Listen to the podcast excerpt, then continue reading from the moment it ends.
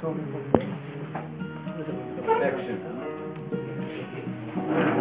נראה מה נדבר. מה יצא מהקדרה.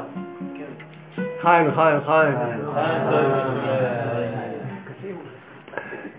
אז ייחוד בין אה, דוד המלך לבין חנוכה. מה?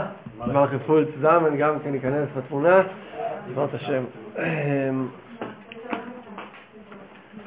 אנחנו עושים עכשיו מין אה, הכנה לחנוכה. מתכוננים, דווקא כשנפרדים מהשבת, אז אה, עושים הכנה לחנוכה, זה מעניין.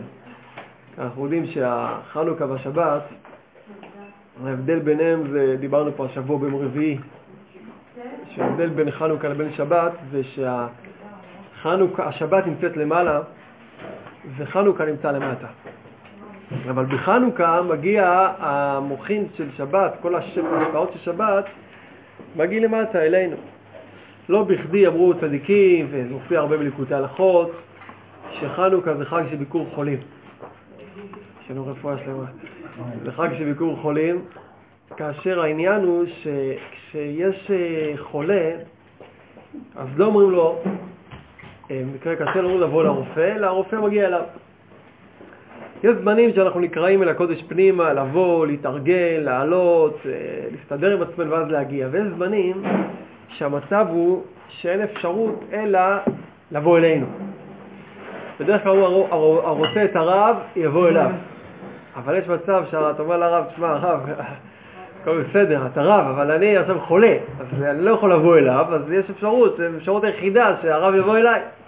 אז בדרך כלל זה לא, לא קביל לטיעון הזה, בדרך כלל אתה צריך לבוא אל הרב, צריך להתארגן, לבוא, להתקדש ולהתכונן.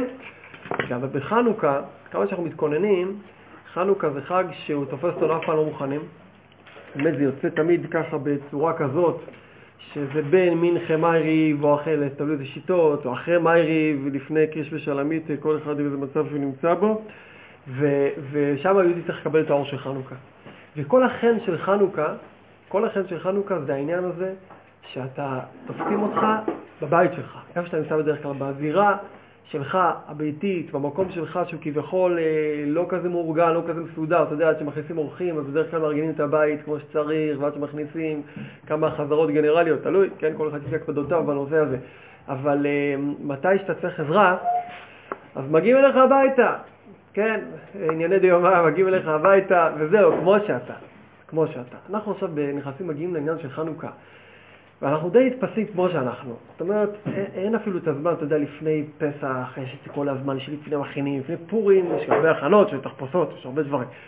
ולפני סוכות, יש זמנים שמתכוננים, ושבועות סופרים, כל כך הרבה, ט' יום, כל כך הרבה סופרים עד שמגיעים לשבועות. וחנוכה זה חג שגם בגלל שיש שמונה ימים אז לא צריכים כבר פורים. פורים זה יום אחד, צריכים להתכונן הרבה הרבה, כי זה יום אחד, עד שמתחיל זה נגמר.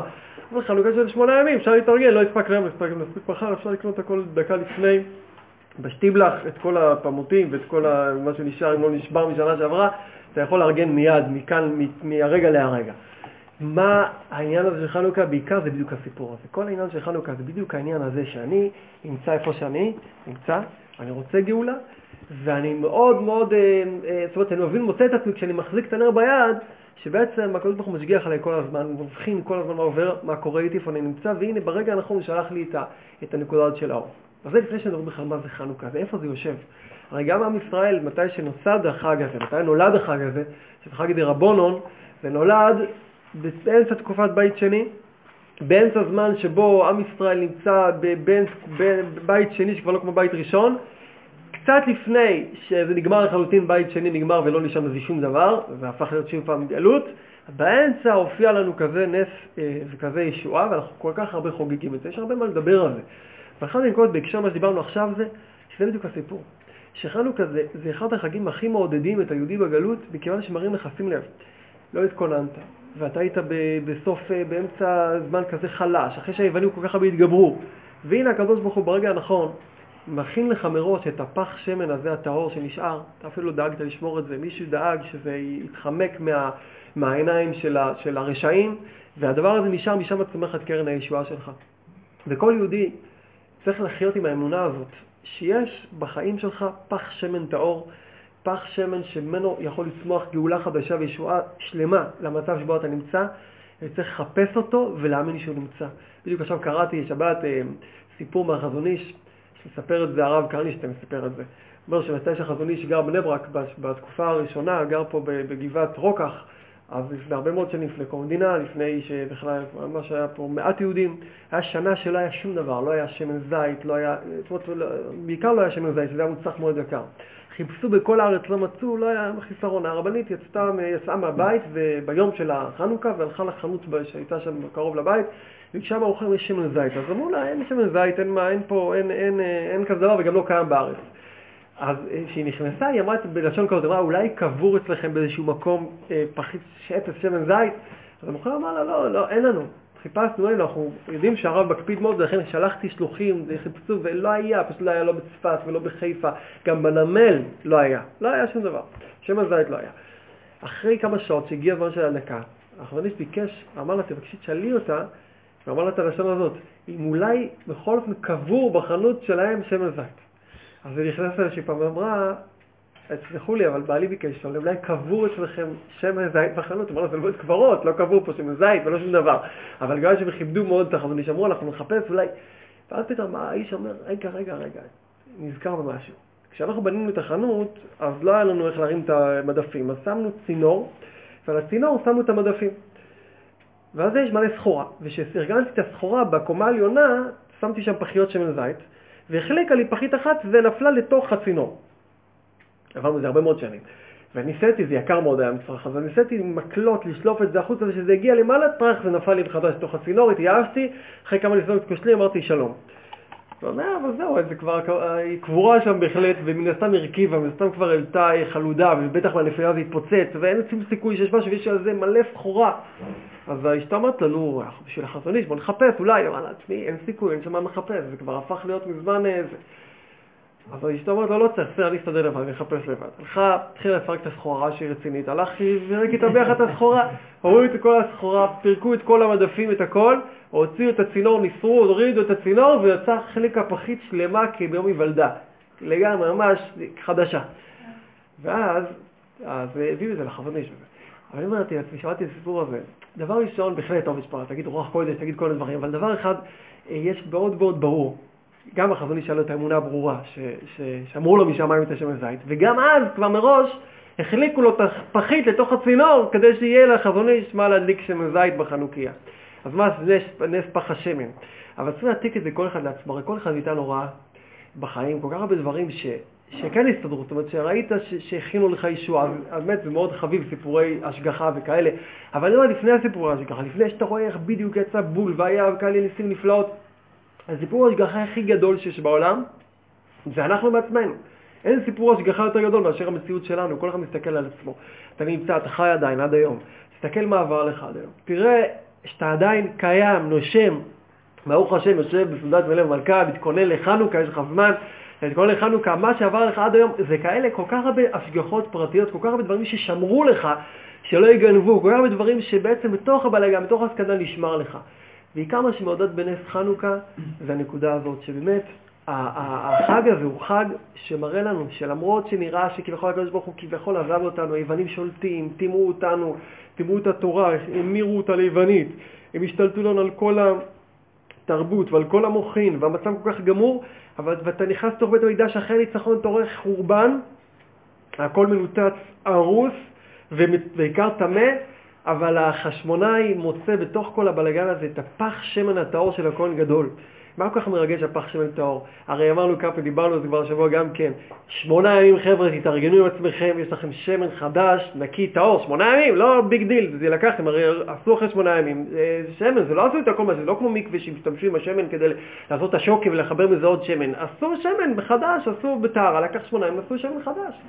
החגיגה הגדולה זה כשאנחנו חוגגים את המציאה הזאת, שאני שם לב שהקדוש ברוך הוא בתוך כל זה שותל לי ושומר לי נקודות של טהרה. זה כל כך מזכיר את העצה של רבינו, שעסקנו בזה הרבה, ועוסקים בזה בבית שמש, בליקוטי הלכות, של אה, רשפ"ב, של תורת הזמרה. זה לא משנה כמה גדולה הנקודה שאתה מוצא. זה שאתה מצליח למצוא בעצמך נקודה טובה, שאיש לא נגע בה, והיא נשארה בטהרתה, כמו שהרבי נתן מדגיש, מאז היותה, זאת אומרת זה מעולם לא נפגע, זו נקודה שהייתה בדבקות עם הקדוש ברוך הוא כל הזמן, ועד היום בדבקות, זה הקטע מרגש. אתה אומר, בתוך כל זה אני מוצא בעצם משהו שהוא תמיד היה צדיק, תמיד היה דבוק אצל השם, אף פעם לא נפגע, אף פעם לא נהרס. זה הקטע שכל כך מעודד גם את החשמונאים, שאומר, אני הבנתי, שלמרות כמו שהיה, הקדוש ברוך הוא תמיד איתי ואצלי ושמר לי והכין לי את כל מה שאני צריך כדי להתקרב להשם וכדי לגאול מחדש, למצוא גאולה מחדש. וזה גאולה יפה, גאולה של חנוכה גאולה שבאמת לא הגיע משיח חמור לבן, ולא הגיע לנו משמיים מרוחות שהוציאו אותנו ממצרים, כמו שקרה ביציאת מצרים, ולא קראו ניסים כל כך כאלה דרמטיים. הכל היה עניין כל כך אה, אה, בתוך הטבע, עד כדי כך שהשתלטו על זה כל אנשי הטבע וכבר הפכו את חנוכה לנס של טבע, נס של אה, מלחמת החשמונאים, הגיבורים, הז'לובטים הענקיים, עם כל הנשק המתקדם כמובן, ביוונים, וזו הייתה הפעם ראשונה שהייתה לנו עליונות צבאית. אה, בהחלט, אה, היה לנו על, על כל העמים שסביבנו, אז אצלנו אכילונו תת אה, יראתנו פחדנו על כל העמים, אז בזמן הזה. אבל עד כדי כך הצליחו להשתלט על החג הזה, כל כך התלבש בתוך הטבע הנס הזה. הנס הגדול של חנוכה, היפה שבו, עוד החלק המיוחד שבו, זה שבאמת זה בא מתוך עם ישראל, אבל לא מתוך הגבורה. אלא מתוך הגבורה להאמין שוודאי הקדוש ברוך הוא לא יזניח אותנו. אין סיכוי שהקדוש ברוך הוא ישאיר אותנו עם בית מקדש, יגרש לנו את כל הרעים האלה וישאיר אותנו בלי להדליק עכשיו את החנוכיה. זה לא יכול להיות כזה דבר. אני מאמין באמונה שלמה שאם הקדוש ברוך הוא נתן לנו את הניסים האלה, הוא גם השאיר לנו ושתה לנו את הדרך להעלות את האור מחדש בתוך, ה, בתוך החנוכיה. וזה כל יהודי צריך לחזק את עצמו מאוד ולדעת שיש השגחה עליך. זה עיקר הדבר שאנחנו כל כך צריכים לחיות עם זה. זה נכון, אנחנו מאוד אוהבים סיפורי השגחה. וכשאדם רואה שמאחר אוטובוס הוא מחכה שהאוטובוס יתפוצץ כדי סיפור חזק, למה יוציאו אותו בזמן, מהאוטובוס ושזה, ואם לא אז זה קצת מאכזב. אנחנו תמיד מחפשים שיהיה סיפור פוטוגני של השגחה, שזה באמת יהיה משהו שאנחנו נוכל לספר לחברים. אבל הנס הגדול ביותר של השגחה זה כשאדם באמת מתחזק לראות ולהאמין ולעצום עיניים להגיד לבנו שם, אני יודע ואני מרגיש שאני מושגח, וכל מה שעובר עליי זה מושגח, וכל מה שקורה איתי זה מושגח, ויש כל כך הרבה, הוא שותה לנו בדרך דברים כדי לראות ולהתבונן שבאמת אתה, אתה, אתה מושגח לא רק ברמה של בסדר, אתה מושגח ובואו נראה איזה סקנדל יעבור עליך, אלא שבאמת יש השגחה שמה שצריך לעבור, הכל ברחמים ובחסדים. וזה הנר הקטן הזה, זה לא נר גדול, זה לא משנה את התאורה, זה לא הופך את הלילה ליום, אנחנו מדליקים דווקא אחרי שקיעת החמה, אנחנו מדליקים דווקא מתי שנהיה חושך, ואנחנו בתוך ההדלקה הזאת מזכרים שלמרות שמגיע החושך, אני יודע שתמיד, תמיד, תמיד יהיה לי את הנר הקטן שאני צריך בשביל לחיות איתו. פעם היה אחד הצדיקים, לא זוכרים איזה היה, שהוא, אה, הבן שלו בכה, אבא, אני רעב וזה, אז הוא נתן סטירה. אה, ככה, לא, לא, לא בזה, כן, ברחמים, אה, בעדינות.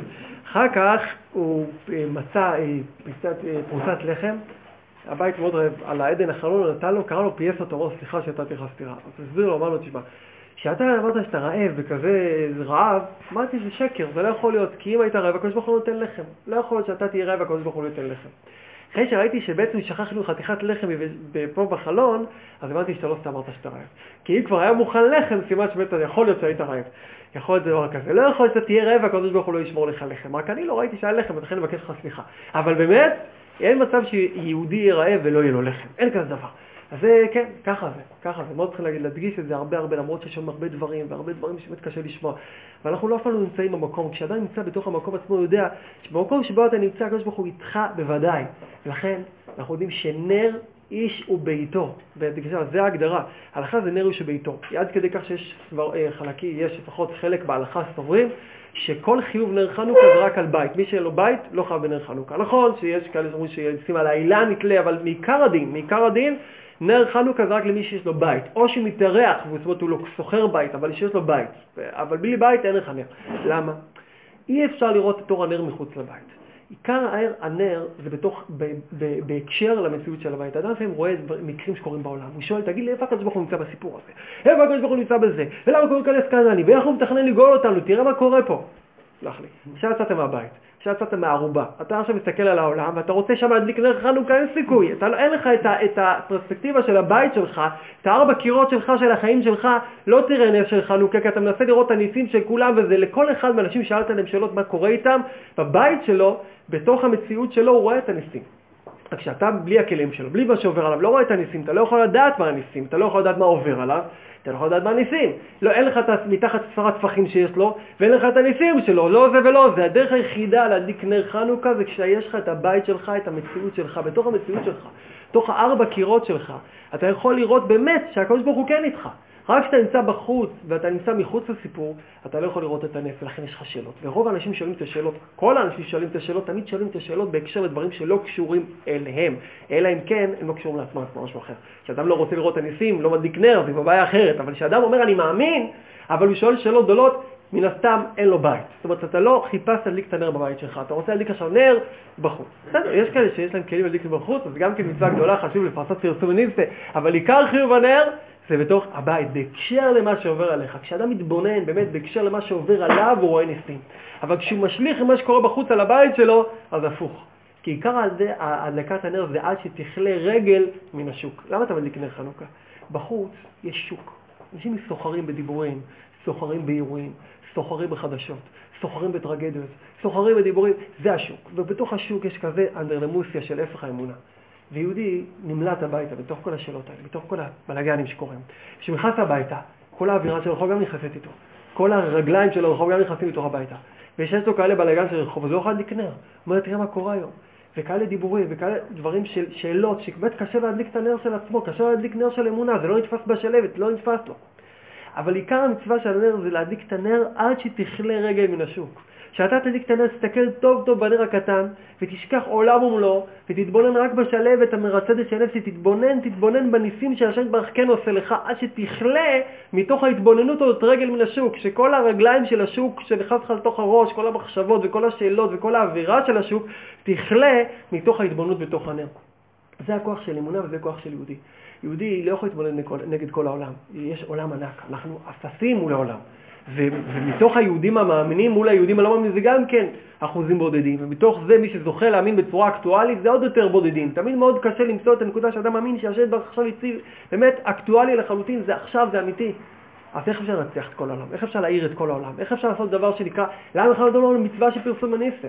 עזוב, חבי כמעט רגע, נו לך מי בוא חברך, חבי כמעט רגע יבוא זה השם בתוך הבית, וזהו. באמת אמרו צדיקים לעשות היום את הנר, בעיקר המצווה זה בתוך הבית להדליק. אז למה זה מצוות פרסום הניסה? איפה יש פה פרסום הניסה כשיש כזה עולם שהוא הפוך? אמרו לך, שים לב, אם אתה תצא לעולם, אתה לא תצליח. אתה יכול להדליק נר, להדליק בלב שלך אמונה. להתבונן באמת, באמת, כמה אתה יודע את האמת שהקדוש ברוך הוא כן איתך. עכשיו עזוב את שאר הדברים, להתבונן בחיים שלך, תתבונן בעצמך. לך יש כן אמונה, יש לך נקודה של אמונה. תדליק אותה, תאמין בה, תשורר סביבה, תרקוד סביבה, תעשה את הגרצ'קה, את כל העניין סביב הנר הזה של החנוכה, עד שאתה באמת תוכל לכלות לגמרי את כל הרגליים מהשוק, שכל החבר'ה של השוק ילכו הביתה, ידליק גם כן נר חנוכה, שיפסיקו יותר בחוץ. כי כשאתה תחיה עם אמונה, אתה תוכל גם להקרין אמונה החוצה. כשאתה לא חי בלי אמונה, כשאדם חי בלי את האמונה אצלו ורוצה לשאוב את האמונה מה שקורה, אז הוא נראה כמו אחד שמחפש מתי מת איזה מהמלכים שזה, מי, מי בדיוק הוא גוג ומגוג, ומתי יהיה בדולגי אותיות יהיה את משיח. זה לא שזה חלילה, אני לא מדבר נגד אף אחד, אבל אתה לא יכול לחפש משיח בחוץ. שבחוץ יהיה משיח, משיח לא יגיע בחוץ. משיח יגיע מזה שכל יהודי ילמד להדליק את הנקודה של משיח בלב שלו, את הנקודה של האמונה בלב שלו, להדליק את הנר ולרקוד ולשמוח עם זה. זה נקודה מאוד עדינה, מאוד מאוד אה, נעלמת, הנקודה הזאת, כי זו נקודה ש...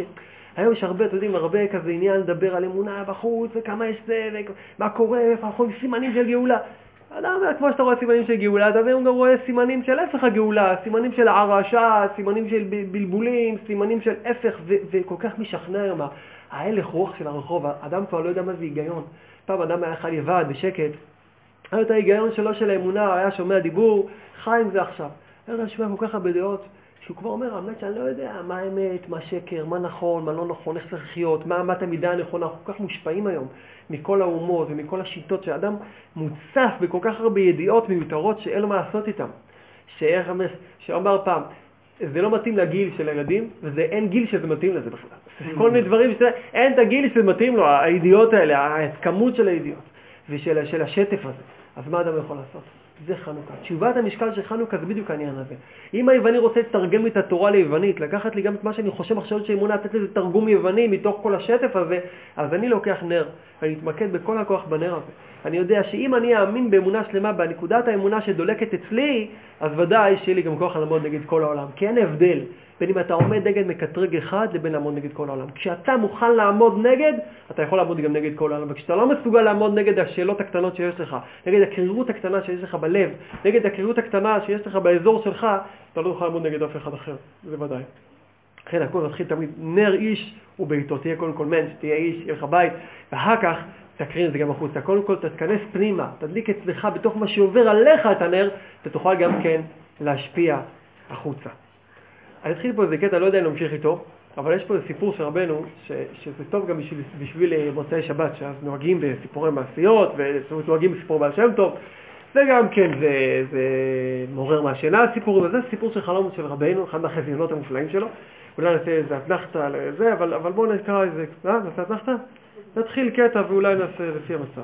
אז רבנו מספר סיפור מופלא, ואני חושב שזה נותן הרגשה, למרות שאין לזה כל כך פשט, אין לזה בכלל פשט, זה חיזיון של רבנו, אני לא יודע, אני לא יכול להגיד פשט החיזיון של רבנו, כן? חיזיון של רבנו זה כבר יומרה גדולה להגיד פשט. מילא אתה אומר פשט בליקוטי מורה, זה נותן לך רשות, אבל חיזיון של רבנו, אנחנו לא, אין לנו רשות. אבל למצוא רמזים קצת להתחזק אפשר. אז הסיפור הולך ככה, רבנו מספר בשנת תקס"ט, שזה היה אה, כמה שנים ביודות לפני פסירתו. רבנו מספר, א' בחנוכה, אחר הדלקת נר חנוכה בלילה אורח נכנס לבעל הבית. זה סוג, לא יודע, זה חיזיון, לא יודע איך להגדיר את זה בדיוק, אבל, אבל ככה זה לא, זה לא פשט. אמ, ושאל לבעל הבית, מה עם פרנסתך? והשיב לו, אין לי פרנסה קבועה בביתי, רק מחייתי מן העולם. ושאל לו, מה אתה לומד?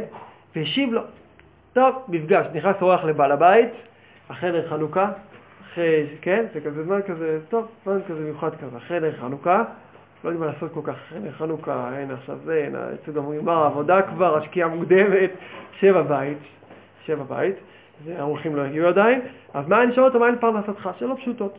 אמר לו, אין פרנסה, וביתי רק, קבועי אה, רק מחייתי מן העולם. הוא שאל אותו, מה אתה לומד? אמר לו גם כן, מה אתה לומד? שתי שאלות הכי נורמליות, כן? מה אתה עובד? מה אתה לומד? זה שתי השאלות הרגילות אצלנו, כן? קודם כל, מה אתה עושה כסף?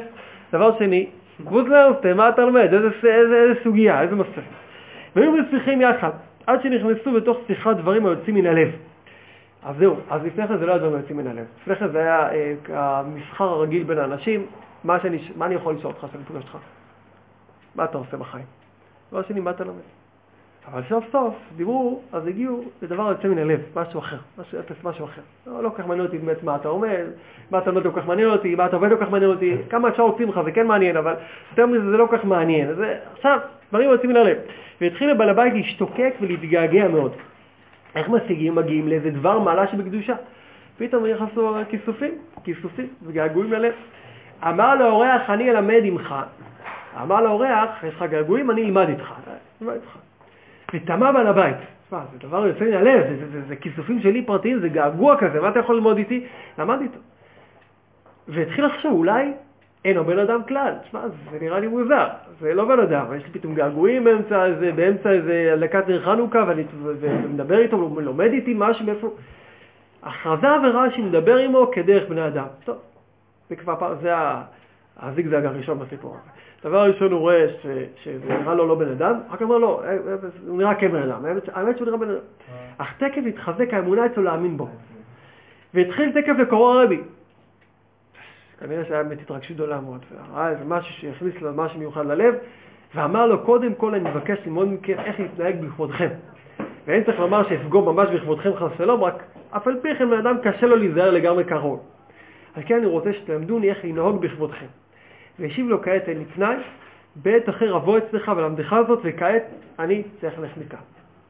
אמר לו, זה פעם אחרת תלמד. איך תלמד, תנהג בכבודי, נלמד פעם אחרת. עכשיו אני צריך ללכת.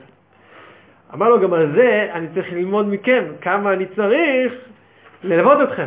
שתווך איתי. כמה אני צריך ללוות אתכם, גם זה צריך ללמוד. ואמר לו, עד אחר הפתח. והתחיל לחשוב איך אצא עמו, כי כעת אני עמו בין הבריות. ואם יצא עמו לבדו, מי יודע מהו? מי הוא? אתה יודע, עם רוב לאבא מיני שזה לא בן אדם, אז אני עכשיו יצא איתו עד אחרי הפתח, קצת מחשיד. ו... ושאל לו, אמר לו, יש לי פחד לצאת עמכם. השיב לו, אם אני יכול כזאת ללמוד ממך, אם אני כזה, ראית מה שלמדנו ביחד, מה שהלך פה, גם, גם אתה, אם ארצה לעשות לך איזה דבר, מי ימחה בידי בין האנשים? זה הבעיה שלי, אנחנו למדנו עכשיו בין האנשים הרי את מה שלמדנו. ויצא עמו מן הפתח. וכאן התממשו כל חששותיו. ואזי תקף חטף אותו, והתחיל לפרוח עמו. והיה, והיה לו קר, ולקח מלבוש ונתן לו. אמר לו, קח זה המלבוש וייטב לך ויהיה לך אכילה ושתייה וכל טוב ותשב איתך ופרח עמו. אתם אוחזים ראש? לא, טוב מאוד.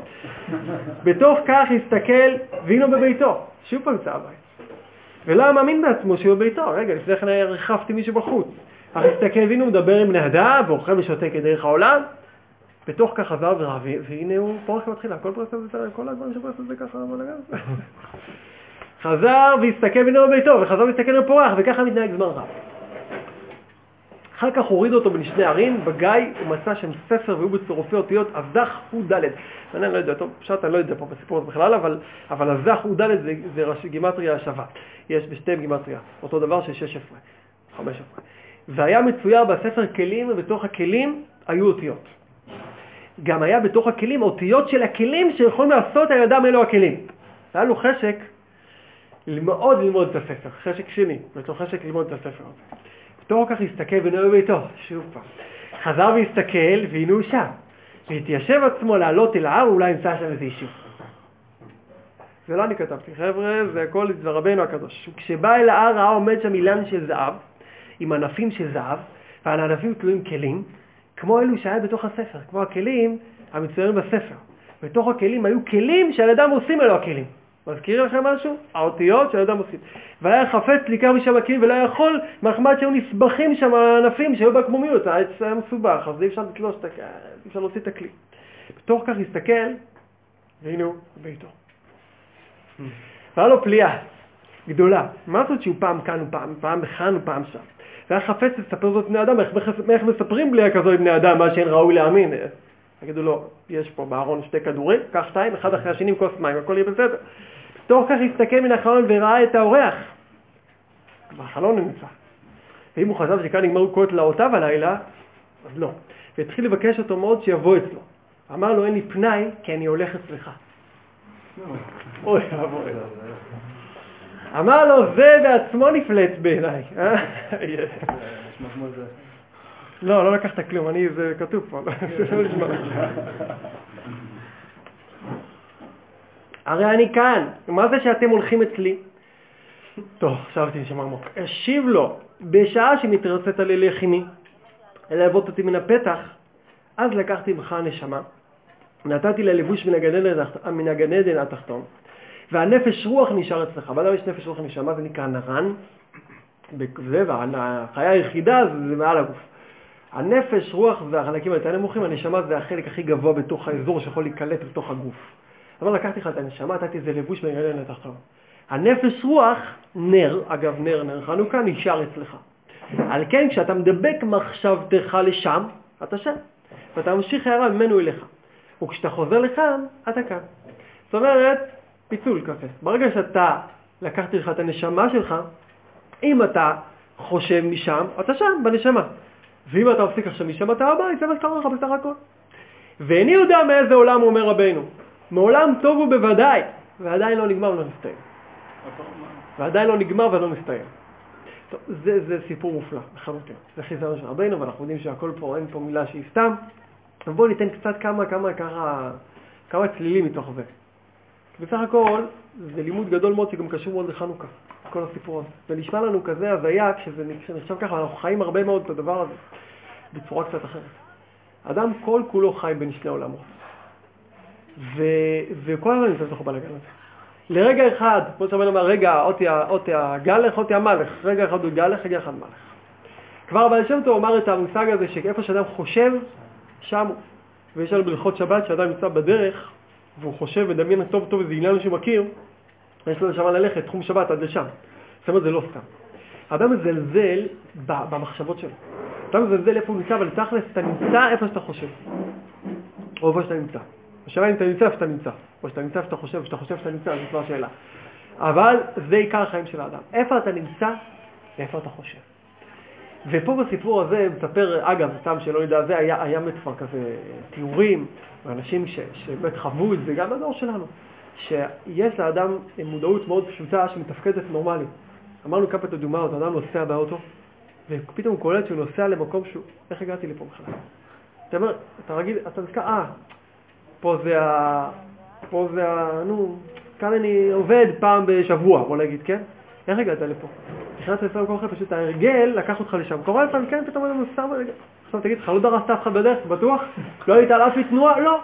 עצרת מתי שראית מישהו הולך לעבור לפי החוק החדש, רק עומד לעבור כבר, עצרת, ואתה נסעת, ונתת מישהו, אפילו כעסת מישהו עקף אותך, אבל לא ראית שאתה נוסע.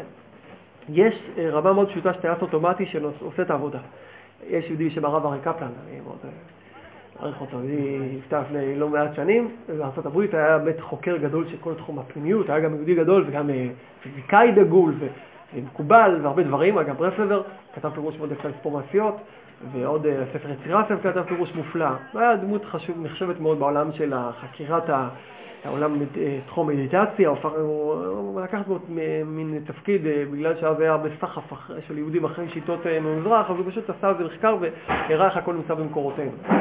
הוא מתאר, קראתי, מתאר פעם שהוא אמר, היה עושה הרבה עבודות של מדיטציה ומחשבה, שפעם הוא אמר, שלחו אותו חזן למירת תהילים, אמר תהילים בבית כנסת, ופתאום הוא עף הוא לא אדם מדמיין, אדם מאוד רציונלי, מאוד מאוד, מאוד, אדם מאוד חשוב בעולם האקדמי, בארצות הברית, השם שלו היה פותח שערים בכל המקומות, אדם באמת אה, מאוד נחשב. הוא ניסח את המכתב שכתבו בשביל אה, להציג את הציון של הרבי, אז כתוב מכתב לנשיא הברית, אז הוא ניסח תוך אה, ספלה שעסק בזה. הוא ישב בחדר, תוך, בקצב של הכתיבה הוא ניסח מכתב דיפלומטי, שמי שקרא אותו, אנשים זה השתגעו מה, מהרהיטות וה, וההסברה שהוא הכניס שם בתוך 40 דקות שכתב מכתב רציני. הוא הוריד שם פשוט ברצף, בקצב של כתיבה, הוא היה כותב בקצב מטורף. אה, הסבר שלם, אדם מאוד רצונלי. אז הוא כותב שהוא פעם אמר תהילים ופתאום אף, הוא השתחרר, עלה לאיזה מקום, וכשהוא חזר, כאילו, להכרה, אז הוא מאוד נבהל, הוא חשב מה, קרה בבית כנסת. אז אמרו לו אנשים שהוא אמר היה אה, חזה מצוין, לא, לא שמו לב. אומר שאז הוא הבין אמת שיש לאדם את הרמה הפשוטה, שיכולה להמשיך לתקשר נורמלי לחלוטין, ויש את התודעה היותר גבוהה. זה תיאור מין כזה שיש את החלק של הנשמה, יש חלקים יותר נמוכים שנמצאים פה. נפש ורוח זה לא כזה נמוך, אבל... עכשיו בואו בוא נדבר אצלנו. נפש ורוח זה נר. ועיקר מה שקורה בכל הנושא הזה של, של חנוכה, זה מאוד מזכיר את מה שכתוב פה, מצד אחד בית, מצד אחד חוץ, מצד אחד הבית, מצד אחד בחוץ, מצד אחד מרחף, מצד אחד חוזר בחזרה פנימה. יש הרבה אנשים, וזה מאוד קשור, אני ממש לא ניכנס פה לכל הפירוש, כי זה מופלא פה, אלא רק כמה נקודות שיוצאות מזה, מאוד חשובות אלינו. אדם יכול המון להכשיל את עצמו בשאלות האלה, שתגיד לי מה קורה, איפה אני נמצא? אני שמה או שאני בבית? איפה אני נמצא? ויש אנשים שככה הם קוטלים את הרוחניות שלהם. יש להם, יש קוטל חרקים ויש קוטל רוחניות. אצלו קיי, לא יודע כמה, יש קוטל רוחניות. איך שהוא התחיל לגלות לו קצת טעות, אני אומר, רגע, רגע, מה, מה קורה פה? מה, מה קרה? אני, אה, זה דמיונס, אה, זה דמיונס. דמיונס, כנראה זה דמיונס, זה כנראה דמיונות, ברור שזה דמיונות, כי מה, אני הייתי רגע, רגע, רגע דיברתי עם אנשים, עוד רגע אני אדבר עם אנשים, מה, עכשיו אני חטפתי עכשיו מוחין? זה שטויות, תפסיק. יש לו עוד אה, אמירה, דיברנו פה שפה לפי גם כן, דמיונס מהסוג הזה, נכון? אם מותר לדמיין דמיונס. אמרנו שאתה מלא לדמיין. או שתדמיין תאוות, או תדמיין את הקדוש ברוך הוא. ודאי שעדיף לדמיין את הקדוש ברוך הוא מאשר לדמיין תאוות, זה ברור, אף אחד אין ספק, כי זה גם האמת. מה עיקר הנקודה? אנחנו יודעים שדיברנו עכשיו חנוכה, דיברנו על הביקור של הצדיקים, רבנו מדגיש כמה פעמים, שעיקר העבודה שצדיקים עושים מהאדם, עיקר העבודה שהם עושים איתו, זה שנותנים לו לבוש מגן עדן.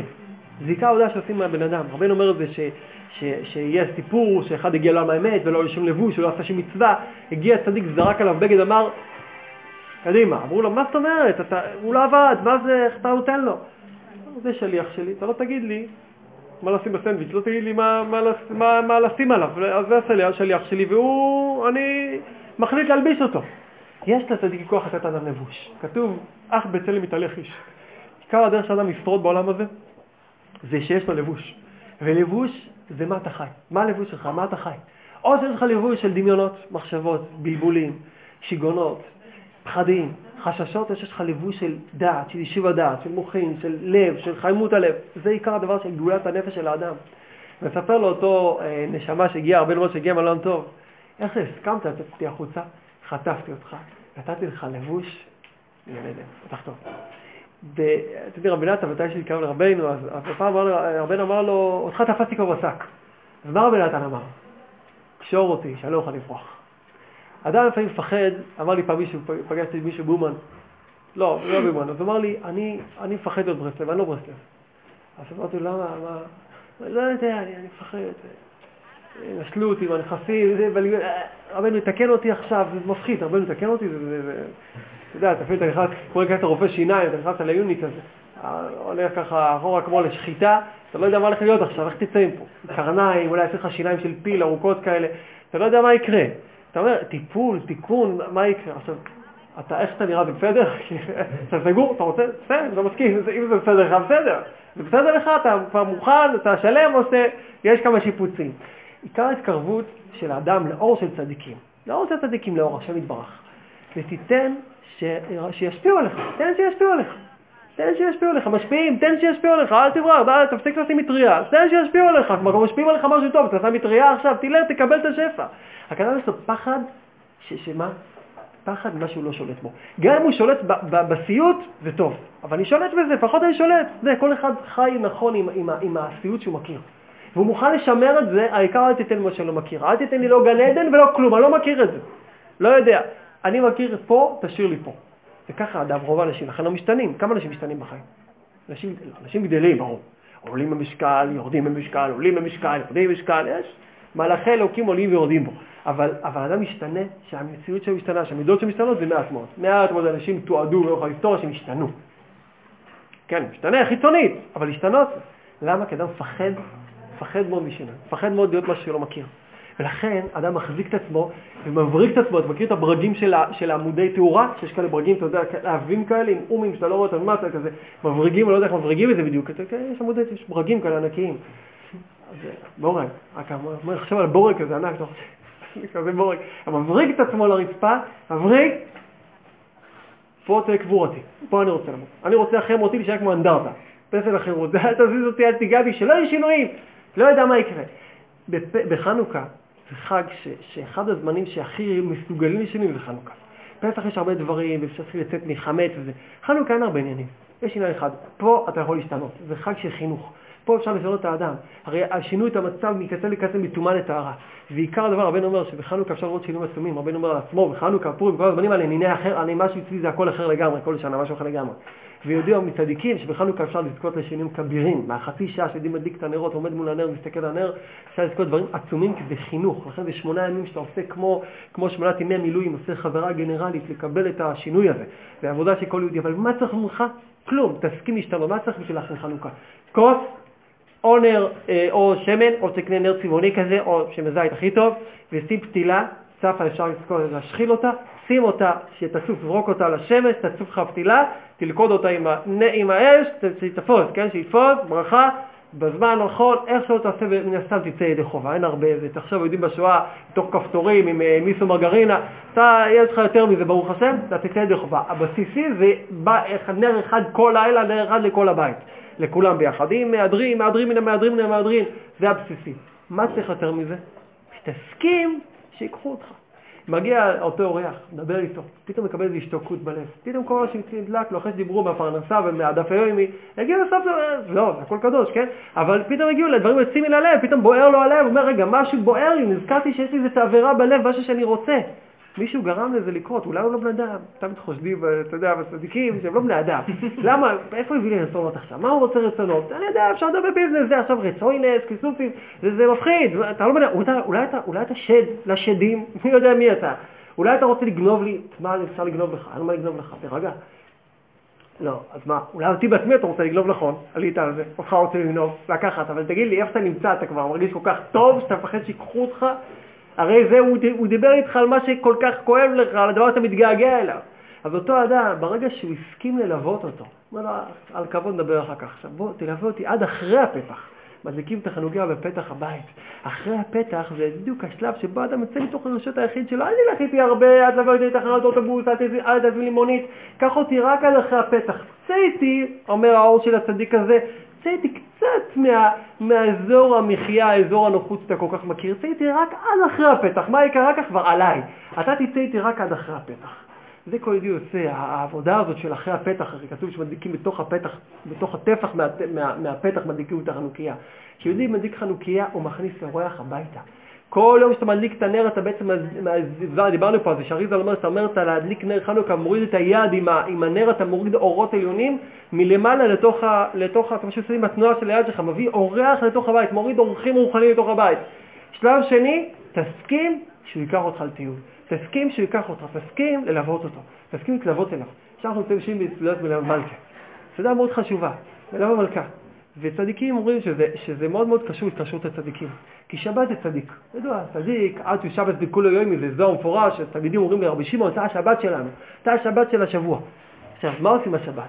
שבת כל עם ישראל שבתים. יש אחד שישן בשבת, אחד שמפצח הרבה בצורכי שבת, כל אחד איכשהו משיג את השבת. שבת זה זמן שאתה לא נמצא בעצמך, אתה נמצא, אתה צדיק, אתה נמצא כמה שאתה תזכה. אבל יש למוצא, לכל שבת אמרו בצבא יש מוצאי שבת. לכל שבת יש מוצאי שבת. מה זה מוצאי שבת? זה לא סתם זה. שבת זה שבת, זה לא עליך, זה הצדיק. אבל מוצאי שבת זה שלך כבר. מוצאי שבת זה איך אתה מחליט להמשיך את החיים שלך לאור השבת. טוב, אז אל תיקח את השבת חד יום שלישי, יש כאלה שזוכרים עד יום שני וזה, אבל לא כל אחד זוכר. אבל תיקח עד אחרי הפתח. אחרי הפתח זה אחרי שעשית הבדלה. יש מלווה מלכה, יהודי עושה מלווה מלכה, מה זה מלווה מלכה? שמלווה את המלכה, הוא לא נותן ללכת בלי לוויה. וזה הכי קשה, זה הכי קשה, זה כמעט נגד הטבע. כמעט נגד הטבע, במיוחד שיהודי, תלוי כמה יהודי נוהג לאכול בשבת, זה נגד הטבע. והדבר הזה יהודי אומר, אני, השבת הולכת. זו עובדה מוגמרת, אבל אני נצמד, לפחות כל מה שאני יכול ללוות אותה, אני מלווה אותה. אני לא עוזב, אני מלווה כמה שאני יכול, לפחות נצמד מלווה אותה. ופה נוצרת ההתקשרות הצדיקים, פה נוצרת ההתקשרות. כשאתה נמצא בשבת, אשריך, אבל התקשרות זה כמה אתה מלווה אחר כך את השבת, כמה אתה מתלווה לשבת אחר כך, כמה אתה לא נותן לה ללכת. וזה, רואים מאוד חזק גם בנקודה הזאת פה עם הסיפור הזה.